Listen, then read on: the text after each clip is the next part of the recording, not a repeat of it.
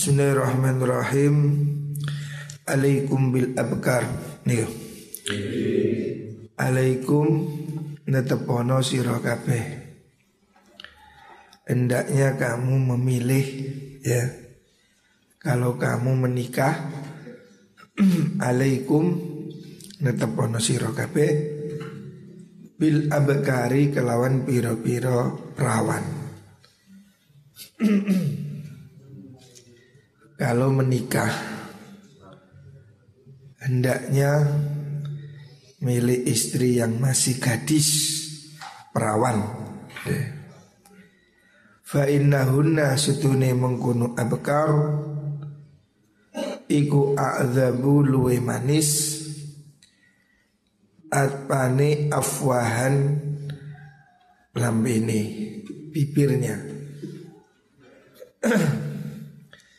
Kalau kamu menikah ya golek bojo sing perawan. Joko Rabi perawan. Golek perawan sing asli. Perawan sing orsinil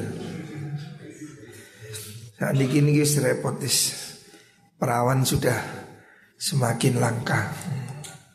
Pergaulan bebas Orang sudah sembrono tentang keperawanan Harusnya ini menjadi kebanggaannya.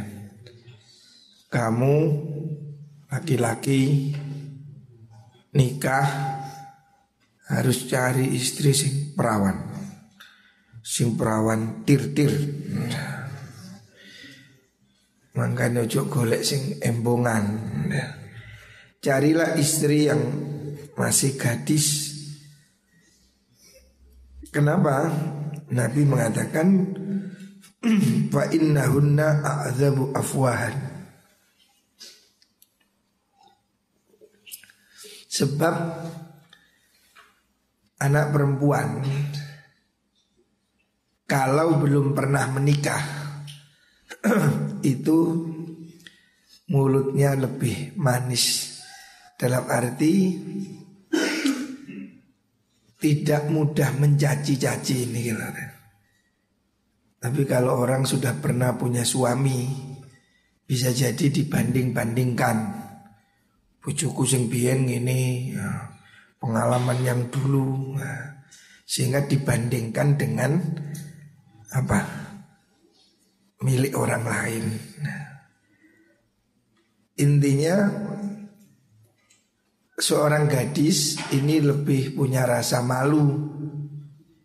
Gadis lebih bisa menjaga mulut untuk tidak rewel, tidak apa, tidak cerewet lah gitu.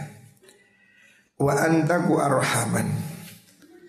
Wa antaku lan luih bersih apane arhaman telana aneh. Kalau dia masih gadis Masih bersih Rahimnya. Wa askhanu Lan luweh Anget. Oh, Luweh anget bareng nih? Apa nih? Akbalan Piro-piro farjine. Ngono nih bareng eh lebih hangat. Ya namanya barang baru dengan second kan beda. Rayen dengan dengan bekas. Wa ardo lan luweh nrimo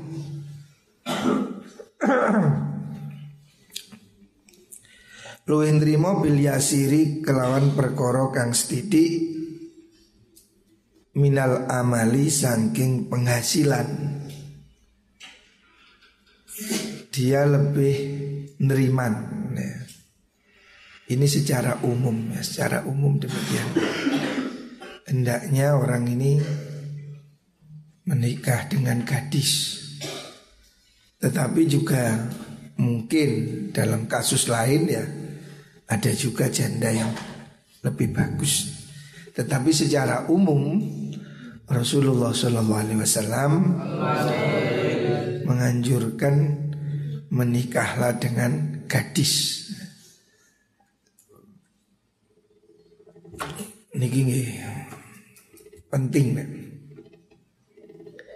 Kalau kamu keliru milih istri, kamu akan uh, menyesal.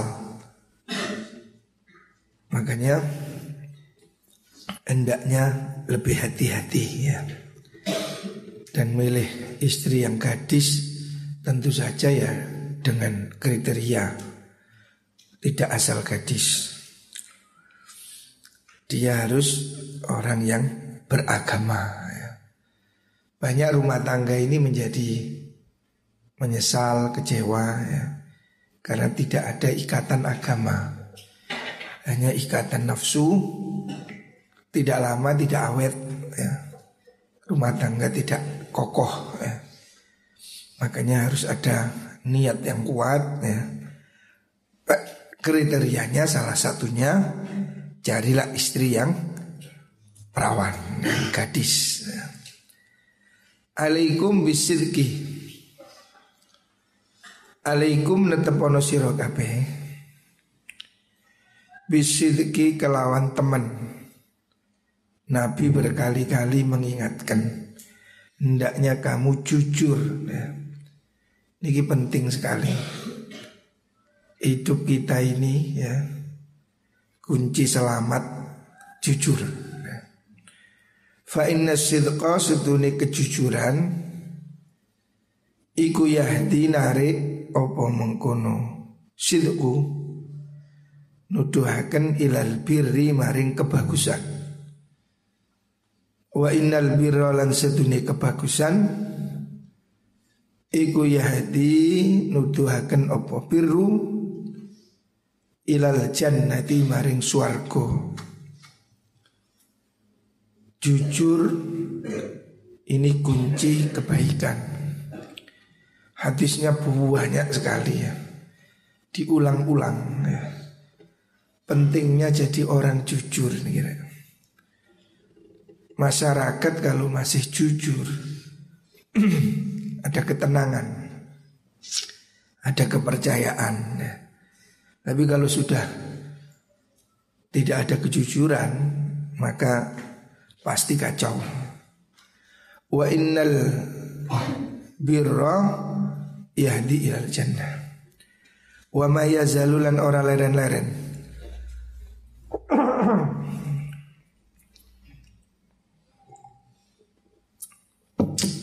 Sopo arrojulu wong lanang.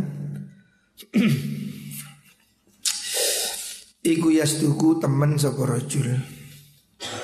Wa yataharra lan nemen-nemeni sopo rojul. Asidqa ing temen. Hatta yuktaba sehingga tulis sapa rajul indallahi ing dalam ngersani Allah. Siddiqon ing wong kang banget temene siapa orang selalu jujur maka dia dicatat sebagai siddiqin. Wa iyyakum lan wadiya sira. Wal kadhiba ing goroh Jauhi bohong. Jangan coba-coba bohong. Kamu bohong Cepat atau lambat Pasti ketahuan nah. Jangan punya pikiran bohong Tidak ketahuan. Cepat atau lambat Orang bohong ini Pasti akan terbuka. Walaupun kamu sudah bersandiwara Tetapi bohong itu punya celah sendiri Fa innal kidba sedune koroh Iku yahdi nuduhaken nopo kidbu Ilal fujuri maring lacut.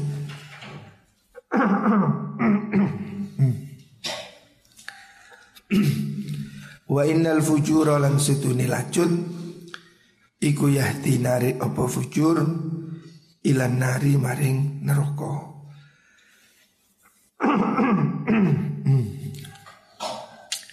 Wa maya zalulan ora leren-leren Sopo arrojul wong lanang Iku yakzibu koroh sopo rojul Wa yataharrolan nemen-nemen ni sopo rojul Al-kizba ing koroh Hatta yuktaba sehingga den tulis sopo rojul Indallahi dalam ngersani Allah Kazaban ing tukang koroh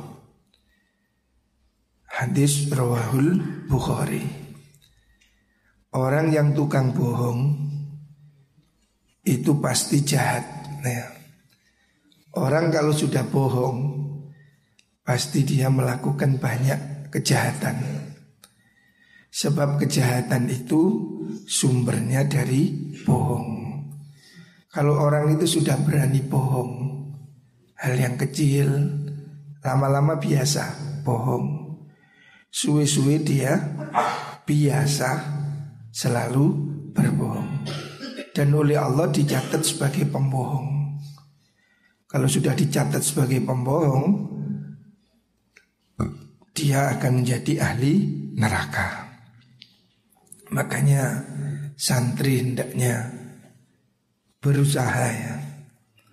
Jangan berusaha bohong. Berusahalah jujur. Situasi seperti apa pun jangan bohong. Ya. Bohong hanya akan membuatmu menjadi jahat. Ya. Rawahul Bukhari. Alaikum natapono sira kabeh bisidki kelawan teman. Hendaknya engkau menjadi orang yang jujur fa innahu sidqun iku babun lawang min abwabil jannati saking piro-piro lawangi swarga. Jujur ini pintunya surga. Nah, hadis ini diulang berkali-kali ya. Jujur pintu masuk surga. Bohong pintu masuk neraka. Ini supaya kita hati-hati betul ya. Jangan bohong, tidak ada untungnya. Wa iyyakum lan wadiya sira kabeh wal kizba ing Fa innahu sutuni kizbun iku babun lawang min abwabin nari saking piro-piro lawange neraka. Kalau kamu bohong, kamu sedang menuju pintu neraka. Di dunia pun kamu tidak disukai orang. Kalau kamu pembohong, kamu tidak punya bisnis, orang tidak mau kerja sama kamu. Kalau kamu bohong, maka tidak ada kepercayaan dan kamu tidak dihormati. Ya pertaruhannya ini harga diri ya. Kalau kamu bohong, orang akan merasa kamu tidak ada artinya ya. Sekali orang kamu bohongi, dia tidak mungkin bisa kembali percaya. Pasti hatinya ada rasa jangan-jangan bohong. Nah, sekali kamu bohong itu pasti melekat di ingatan orang. Kalau kamu bohong, orang lain akan perlahan-lahan menjauhi kamu. Tapi kalau kamu jujur, walaupun kamu tidak pintar, tapi jujur, membuat orang tenang, membuat orang nyaman. Ya. Jangan sampai bohong, apalagi nyolong. Ya. Ini sudah sering saya ingatkan di pondok, jangan sampai mencu, mencuri. Ini berbahaya sekali. Ya. Berbahaya orang kalau di pondok sampai mencuri ya. Bohong saja jangan, apalagi mencuri ya. Ini akan membuat hidupmu menjadi susah. Rawahul Khatib an Nabi Bakrin. Selanjutnya alaikum biqiyamil laili. Alaikum natepono sira biqiyamil laili kelawan salat bengi hendaknya kamu berusaha sholat tahajud Walaupun cuma dua rakaat ya Sholat di waktu malam hendaknya kamu berusaha. Kalaupun tidak bisa setiap malam, ya berapa kali gitu ya. Usahakan selalu sholat tahajud. Fa innahu da'bus salihin.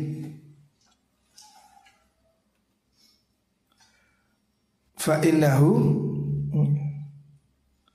setuhne mengkono tahajud iku da'bus salihina kelakuane piro-piro wong soleh. Qablakum sadurunge sira kabeh. Tahajud ini pekerjaan orang-orang soleh. Sejak zaman dulu ya sejak sebelum Nabi Muhammad Wasallam Qiyamul Lail ini menjadi pekerjaan orang-orang yang soleh ya. Apalagi kalau kamu menjadi kiai ya Orang-orang yang berjuang Orang-orang yang mengajar Ini harus punya kekuatan sholat tahajud. Sholat tahajud ini sangat besar pahalanya ya. Menjadi kebiasaan semua orang soleh Tidak ada kiai wali yang tidak sholat tahajud Bahkan kata ayah saya dulu Kalau ada orang ngaku cinta kepada Allah Kok malam tidak tahajud Itu bohong Orang cinta ini pasti senang berdua Tahajud itu waktu berdua bersama Gusti Allah. Diem, sepi, istighfar, astagfirullahaladzim, mengingat dosa ya. waktu berdua-duaan dengan Tuhan itu ya dalam tahajud itu. Makanya usahakan ya malam hari bangun lebih pagi bangun lebih pagi, sholat sunnah. Setelah itu memperbanyak istighfar. Wabil asharihum yastaghfirun. Istighfar diperbanyak ya. Mohon ampun pada Allah, bermunajat, berdoa. Rasakan kehadiran Allah bersamamu dalam sepi. Ketika orang tidur, kamu bangun memohon, berdoa. Tidak harus bahasa Arab, bahasa Indonesia juga boleh. Mohon pada Allah, ya Allah, mohon ya. Memperbanyak doa di waktu malam. Ini sangat penting dan itu mustajabah. Doa di waktu malam itu sangat dikabulkan oleh Allah dan juga membawa kesehatan. Nah, orang-orang dahulu itu sehat-sehat ya karena kalau malam hari mandi tahajud. Kakek saya dulu Mbak Yanwar itu kalau jam 2 malam mandi kumkum berendam terus kemudian tahajud sampai subuh. Makanya sehat. Mbak Yanwar ini dulu usianya 93 tahun. Sangat sehat. Nah, karena tahajudnya kuat. Nah kita-kita ini kudu loro-loro nih, tahajudnya kurang. Insya Allah kalau tahajudnya semakin banyak, tubuhnya juga semakin sehat. Nah, karena itu energi pagi hari itu bagus sekali. Berusahalah ya, kita harus berusaha. Kalaupun tidak bisa setiap malam ya, semampunya kan. Kapan bisa? Kalau kamu tidur di masjid pasti bisa. Kan dibangunkan jam setengah empat dibangunkan. Tidak harus banyak. Yang penting jangan ditinggalkan. Wa qurbatun lan dadi ibadah ilallah taala maring Allah taala. Wa manhatun lan kang nyegah anil ismi saking dosa melebur dosa-dosa istighfar di waktu malam itu sangat bermanfaat. Wa takfirun dan ngelebur lisayiati maring piro-piro Allah Melebur kesalahan-kesalahan kita. Hidup kita ini disadari atau tidak dosa ini tidak terhitung. Setiap hari dunia penuh gosip ya Maksiat di mana-mana Kalau tidak diimbangi istighfar akan berat beban kita Makanya mulai sekarang, mulai kamu di pondok belajar ya. Setiap malam kita kan sudah bangunkan. Jangan tidur lagi. Tidur di musola, malam dibangunkan segera wudhu, balik lagi ke sini. Kalau ngantuk nggak apa-apa senden aja, senden di sini. Sambil wiritan, sambil baca zikir, tidur lagi nggak apa-apa. Tapi jangan ke kamar. Tidur sambil duduk tidak masalah. Yang penting kamu sudah sholat tahajud. Wa mutrodatun lan kang nolak. Lidai maring penyakit Anil jasadi saking awak. Nah ini Faedahnya untuk kesehatan Orang yang sholat tahajudnya rajin Insya Allah tubuhnya ini sehat nah, Tidak gampang sakit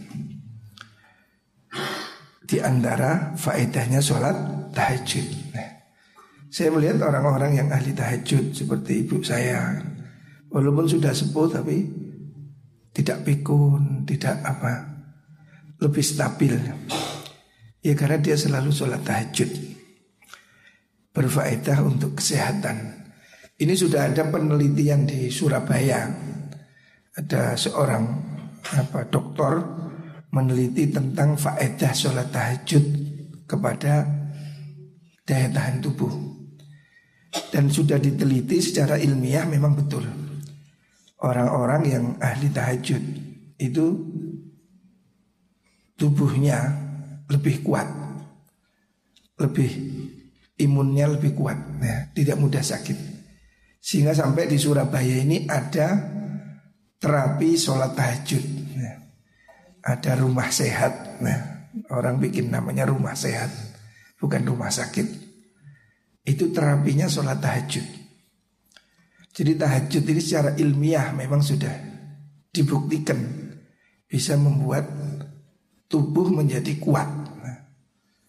Makanya kita ya, kalau mau kepingin lebih sehat, hendaknya selalu berusaha sholat tahajud.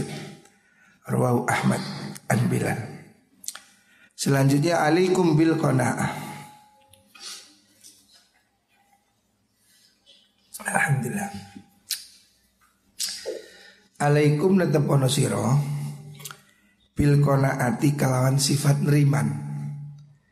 Hendaknya kamu berusaha neriman. Jangan rakus. Fa innal qanaata sutini qanaah iku malun bondo layan fadu kang ora entek apa mal. Orang kalau neriman itu tidak pernah kekurangan.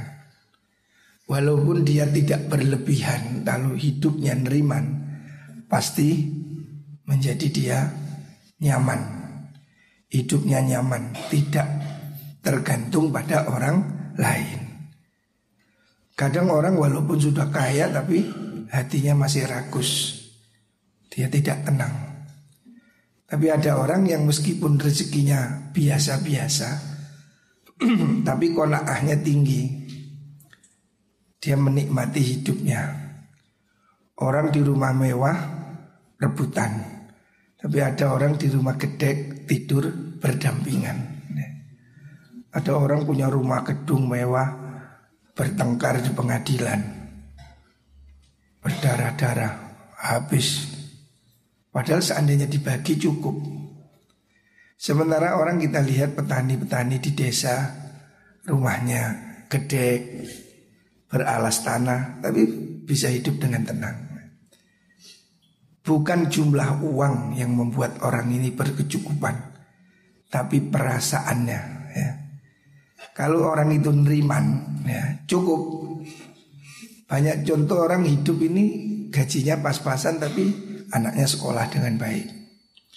Tapi ada orang yang walaupun gajinya tinggi, hidupnya penuh dengan hutang.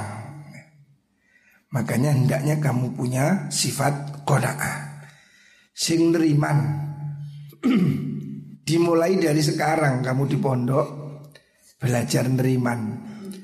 Jangan membandingkan kirimanmu dengan kiriman orang lain. Orang ini ada rezekinya sendiri. Kalau kamu lihat yang lebih banyak, ya kamu merasa kurang. Lihatlah orang yang lebih berkurang. Dulu saya dikirim di pondok lebih sedikit dari teman, tapi saya cukup. Bagaimana mengatur keuangan? Uang ini kalaupun banyak, kalau tidak diatur, ya habis ya. Walaupun uang itu sedikit, kalau kamu bisa ngatur belanjanya, ngatur jajannya, insya Allah cukup ya. Saya anak saya di pondok juga kirimannya ya sedikit, tapi ya cukup, tidak pernah minta uang. Anak saya di Kairo satu bulan satu juta cukup, walaupun di luar negeri, karena dia sudah terbiasa tidak jajan. Gitu.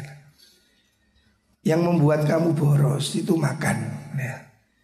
Makanya jangan biasa makan ke warung, dekus ya. Berusahalah makan apa yang ada. Pakaian yang ada ya. Kalau kamu berusaha neriman, hidupmu pasti menyenangkan. Tapi kalau kamu berusaha boros, utang-utang, ya akibatnya kamu susah. Selebihnya kamu kalau tidak kuat-kuat ya nyolong itu. Naudhu Bila Makanya ojo pinter-pinter utang ya. Biasakan mencukupkan kirimanmu Tiga poso Saya dulu di pondok kalau nggak punya uang ya puasa ya. Melatih diri untuk tidak minta uang sebelum waktunya. Saya hampir nggak pernah selama mondok itu terus suratan minta uang. Berapa yang dijatah ya itu sudah saya terima. Dan itu saya usahakan lebih. Caranya ya makannya diatur ya. Jangan suka jajan Apalagi merokok. Pemborosan terbesar itu merokok ya. Saya minta santri tidak usah merokok ya. Lebih baik menabung daripada merokok ya. Muka-muka kabeh diparingi kesehatan oleh Allah Subhanahu wa taala.